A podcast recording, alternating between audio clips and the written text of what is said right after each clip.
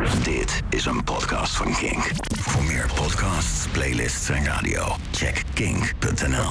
Kink. Kink op de week. Naast alle crisis die we al kenden, is er nog een crisis. En deze is niet het gevolg van 12 jaar VVD-beleid. De talkshow-crisis. Want daar gaat het over. Beleefde afgelopen week haar trieste hoogtepunt. Jinek nodigde voor de zoveelste keer ex-politicus Henk Bleker uit. Henk Bleker was een van de veroorzakers van de stikstofcrisis en werpt zich nu op als redder van de boeren. Alsof je kookdealer een afkikkliniek begint. Ongeloofwaardig, ja, maar hey, je krijgt de eerste behandeling gratis. We doen even alsof we de kledingkeuze van Henk Bleker zijn en we gaan flink terug in de tijd. Naar 2010 om precies te zijn. Toen was Henk ook al een belegen boomer, maar daar gaat het nou even niet om. Henk was toen staatssecretaris van Economische Zaken, Landbouw en Innovatie. Er zat eerder ook altijd natuur bij, maar voor Henk is natuur net zoiets als mensen van kleur. Hij is er niet tegen, maar hij wil er ook niet te veel van.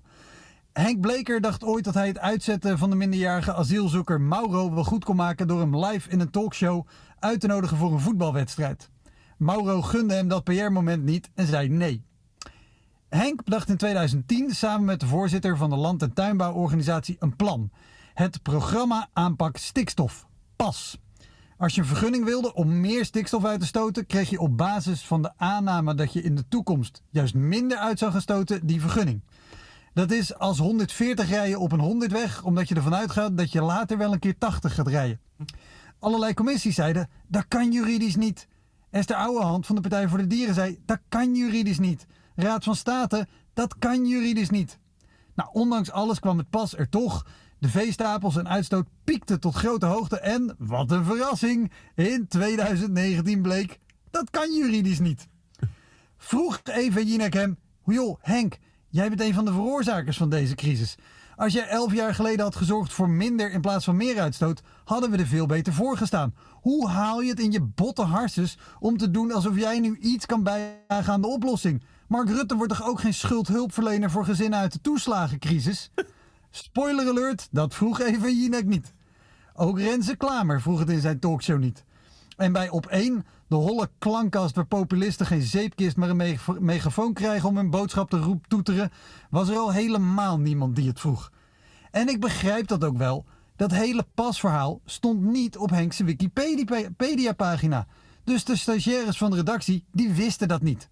Het staat er nu wel in. Ik heb het er van de week in gezet. Nee. Op één vond het afgelopen week een goed idee om uit te zenden vanuit een mobiele studio naast het opvangcentrum in Ter Apel.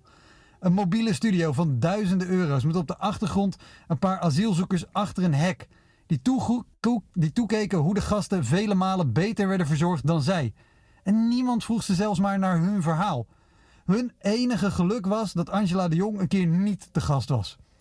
Als op één hun studio naast een concentratiekamp vol Oeigoeren op zou zetten, nodigden ze waarschijnlijk nog een fabrikant van plastic troep uit om te verdedigen dat die goedkope arbeid wel heel goed is voor het Chinese vestigingsklimaat.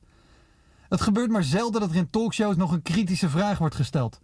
En als het al gebeurt, wordt het gedaan door Huub Stapel, een acteur die een veel overtuigendere journalist neerzet dan de journalisten zelf. Informatieverschaffing en verdieping zijn al lang geen doel meer van dit soort programma's. Ophef creëren en geld verdienen aan bedrijven die eromheen adverteren.